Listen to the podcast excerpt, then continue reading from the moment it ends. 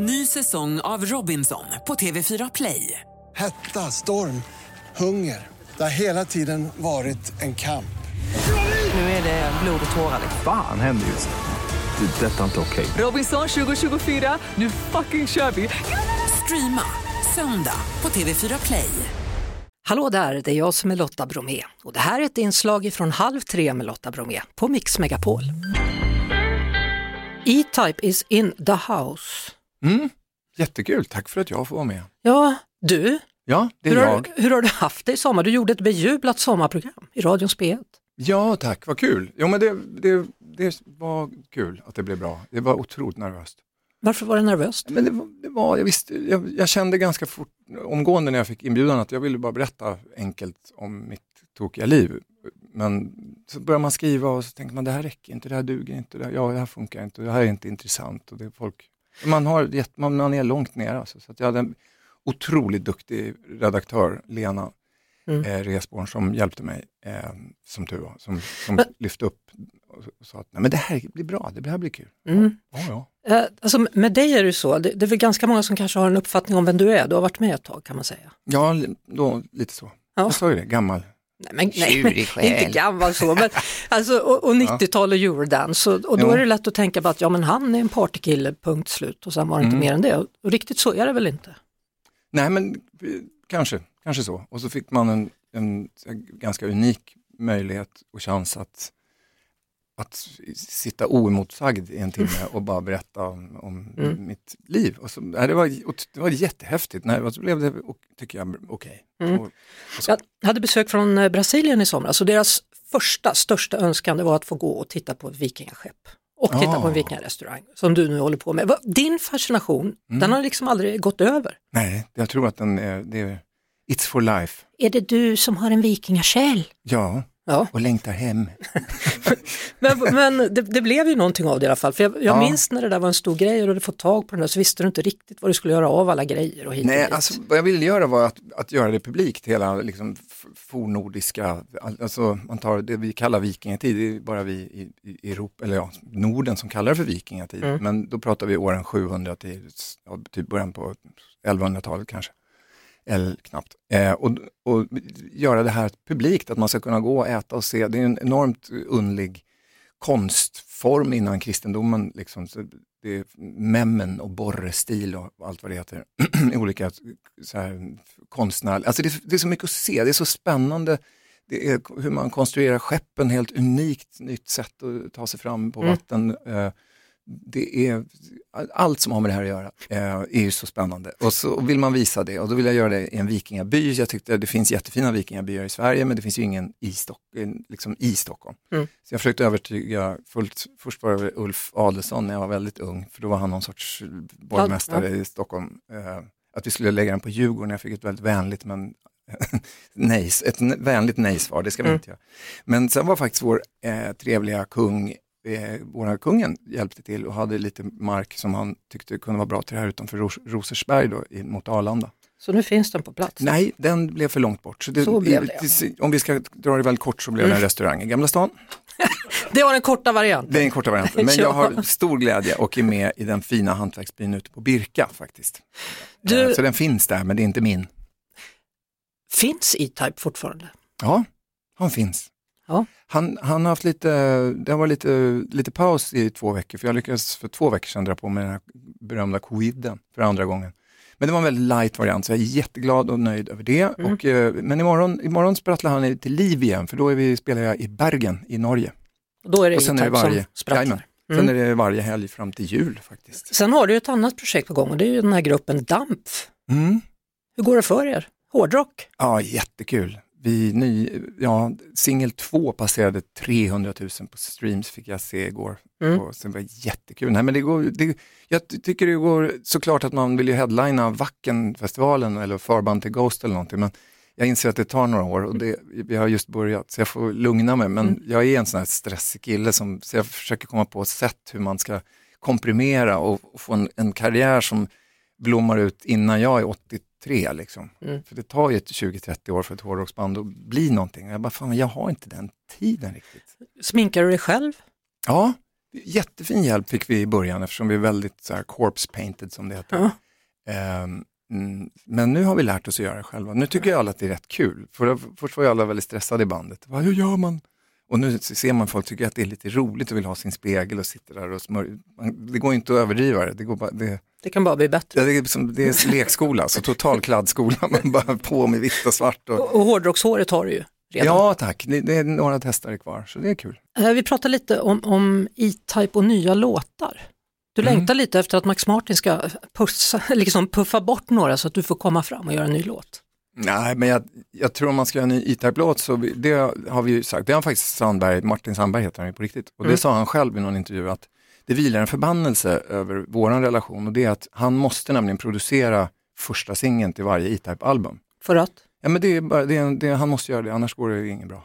Så att, han, det ligger, så att jag har ju en sånt kort att dra fram och säga, Martin, nu är det dags. Ja. Men jag vill inte göra det förrän jag har en låt som är verkligen det bästa jag gjort. För att komma tillbaka som E-Type med någon halvdan det funkar inte. Det ska verkligen vara sjukt bra liksom. Mm. Och jag tycker inte jag når dit. Jag vet, och jag vet inte om jag, att, jag, att man var satt mer och skrev musik, man var yngre, man tänkte på ett annat sätt. Jag satt i Cheiron framförallt som i sig är en, en fantastiskt ställe att vara, jobba på Mm. Mm. på den tiden. Eller eh, vad det kan vara, eller att man känner också när man spelar idag att folk vill gärna höra hitsen, de vill inte höra en ny singel. Det, det är väldigt få som går och drömmer om en ny E-Type-singel. Liksom. Det är Mm. Den där skaran av fans man hade för 20 år sedan, de har ju blivit vuxna och gör andra saker. Mm. Eh, de är på Way Out West kanske de är. Jag vet inte vad de är. Men det, och då känner jag att man, men jag, kan, jag vet att jag kan ringa Max Martin. Om jag skulle komma över den där låten som är sjukt bra, då ska jag faktiskt stå. Mm. Men då får jag åka till Amerika för han, Han är så, där, ja. Ja, han, där är han. Hur, hur mycket saknar du Dennis Pop? Jättemycket.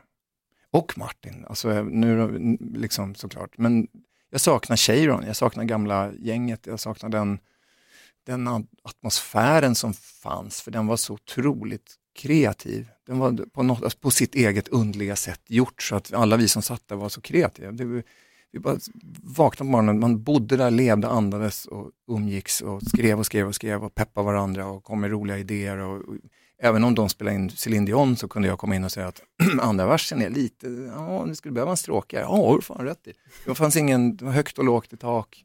Dagge kom in när jag gjorde Free Like Flam Demon och så sa han att och så sa han, men det här, jag ska bara göra en refräng också. Han bara, du är helt ute och snurrar, det där är refrängen, du ska göra en ny brygga. Vi spelar in om två timmar. Så jag bara, okej.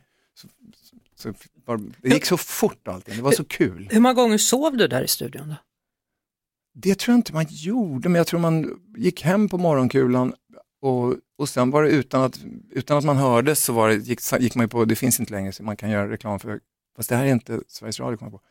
Eh, kanel hette det. Väldigt, Kanel. Mm. kanel kanonställe. Och där ma, ma, kom ju alla från olika håll. Vissa kom direkt från krogen och vissa kom hemifrån och vissa kom från studion. Men klockan ett så åt man köttbullemackor och pratade strunt eh, på kanel och så gjorde man det i tre år, varje, varje dag. Så det, blev ju sån, det blev ju en familj liksom. Så jag saknar allihopa, men såklart Daggis eh, underfundighet och hans, eh, han var ju bara två år äldre, men där kan man snacka om gammal själ. Han var ju någon sorts mental eh, mentor för oss allihopa, fast han bara var ett par år äldre. Så Mm. var han ju en, en, en otrolig jultomte att komma in och pusha på rätt grejer. Och, nej, det, jag saknar, saknar hela gänget, men framförallt honom. Han dog i, i cancer. Va? Mm. Denna jäkla sjukdomar. Mm. Riktigt jävla, det är den. Det är den. Man ska vara, precis, uh, hitta den tidigt, då har man väldigt stora, mycket större chanser. Mm. Du, eh, du har hittat kärleken. Jag läste det.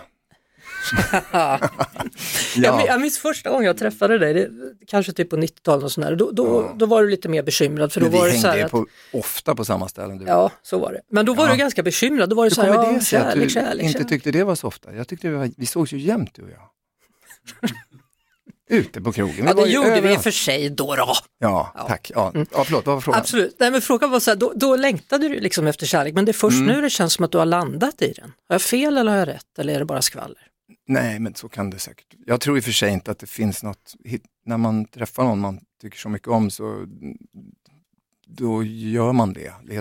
Alltså receptet är väl att inte stänga dörren och sitta hemma och, och, och vara vresig, utan Men jag tror inte det, Det har du väl några- aldrig varit? Nej, det har jag inte varit. Det väl Men ingen vresig typ? Nej, däremot har det varit full fart, så man har ju inte hunnit stanna upp och kanske känna efter på samma sätt. Men jag tror det har mer att göra med att man träffar någon som man är, har väldigt roligt med, trivs med och, och är, är lik. Och sen när i livet, vissa gör det när de är 80 år och vissa gör det när de är 15 och släpper inte varandra. Och, så det finns ju lika många bra historier kring kärlek som det finns människor på jorden, tror jag. Men vå- jag är otroligt lycklig att jag så här i, vad säger man nu då, mitten av livet Ja. träffar någon som På ålderns om. höst kan man säga också, om man men vill vara väldigt det, dramatisk. Det lät, det, det lät för deppigt.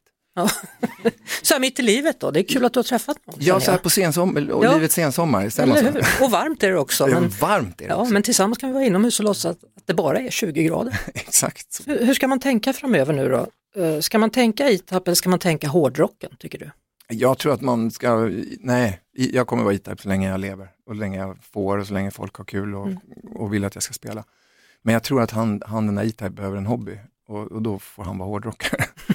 Ja, och sen den dagen vi får åka på jätteturné och förband till, ja, vet jag, Sabaton eller Ghost eller Hammerfall eller någonting. Mm. Då kanske man kan börja snacka, men eh, det är långt dit. Jag tänkte på det, vi pratade om det med, eh, tidigare, att man, det här program, trevliga programmet om hårdrock på export som går på SVT. Mm. Då tänkte jag att alla de här stora banden, de har ju hållit på i 25 30 år och jag börjar nu. Jag bara, men oh, jag kommer vara mycket ålderssnack här idag, men det kommer bli vara, jävligt gammal när jag, när jag headlinar en på ingen Wacken. fara du. Så jag kände att jag måste, vi måste gasa på, det måste gå fortare liksom, för att, om man ska komma någon vart. Men det är hemskt kul, det är absolut det roligaste på väldigt, väldigt länge. Eh, att få skriva musik igen och bestämma själv den här gången och inte varken skivbolag eller producenter eller någonting som, som skriker att man ska göra det ena eller det andra, utan bara full fart i studion. Jag önskar dig lycka till då med det. Tusen tack. Ja, och ha en bra resa till Norge. Tack så jättemycket. Vi hörs såklart på Mix Megapol varje eftermiddag vid halv tre. Ett poddtips från Podplay. I fallen jag aldrig glömmer djupdyker Hasse Aro i arbetet bakom några av Sveriges mest uppseendeväckande brottsutredningar. Går vi in med hemlig telefonavlyssning och, och då upplever vi att vi får en total förändring av hans beteende. Vad är det som händer nu? Vem är det som läcker? Och så säger han att jag är kriminell, jag har varit kriminell i hela mitt liv men att mörda ett barn, där går min gräns. Nya säsongen av Fallen jag aldrig glömmer på Podplay.